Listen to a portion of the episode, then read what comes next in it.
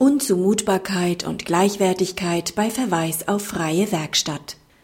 Eine Unzumutbarkeit im Sinne der BGH-Rechtsprechung liegt jedenfalls dann nicht vor, wenn das Fahrzeug des Geschädigten älter als drei Jahre, gerechnet vom Datum der Erstzulassung, ist und bereits wegen eines Vorschadens in einer freien Fachwerkstatt repariert wurde.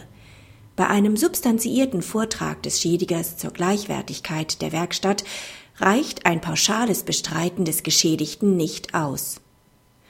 Der Kläger nahm die Beklagte auf Schadensersatz aus einem Verkehrsunfall in Anspruch, bei dem sein Fahrzeug mit Erstzulassung vom 29. Mai 2006 beschädigt wurde. Streitig war, ob sich der Kläger im Rahmen der fiktiven Abrechnung auf eine von der Beklagten benannte, nicht markengebundene Werkstatt verweisen lassen muss oder ob er auf der Grundlage des Schadensgutachtens die Kosten einer markengebundenen Vertragswerkstatt abrechnen kann. Das Landgericht hat die Klage bezüglich weiterer Reparaturkosten abgewiesen. Das Oberlandesgericht hat das Urteil bestätigt und die Berufung des Klägers zurückgewiesen. Das Oberlandesgericht stellt auf die BGH-Rechtsprechung zu Werkstattverweisen ab. Mit seinem VW-Urteil hat der BGH den zuvor in Literatur und Rechtsprechung herrschenden Streit um die Frage des Verweises entschieden. Das Landgericht ist von der Gleichwertigkeit der alternativen Reparaturmöglichkeit ausgegangen. Konkrete Anhaltspunkte dafür, dass die von der Beklagten benannte Werkstatt nicht gleichwertig ist, hat der Kläger nicht vorgetragen.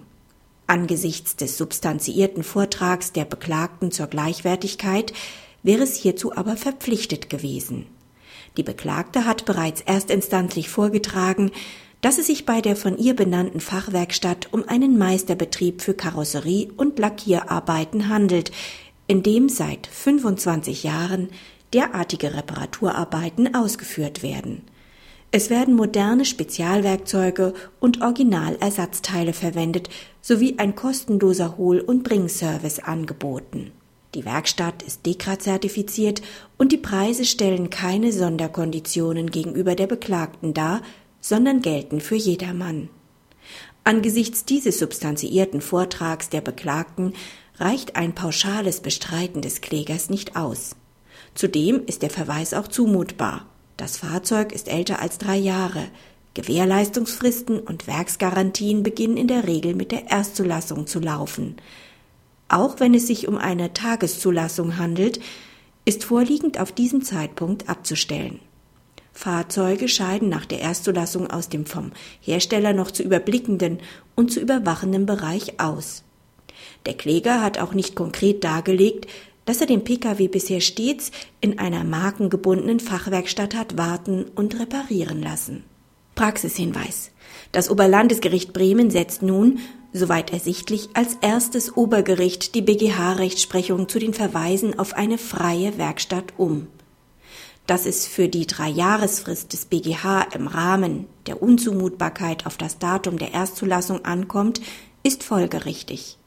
Die Entscheidung zur Gleichwertigkeit gründet auch darauf, dass der Tatrichter bei deren Feststellung nach dem geringeren Maßstab des Paragraphen 287 ZPO besonders frei ist. Die BGH-Rechtsprechung wird derzeit von den Land- und Amtsgerichten verfeinert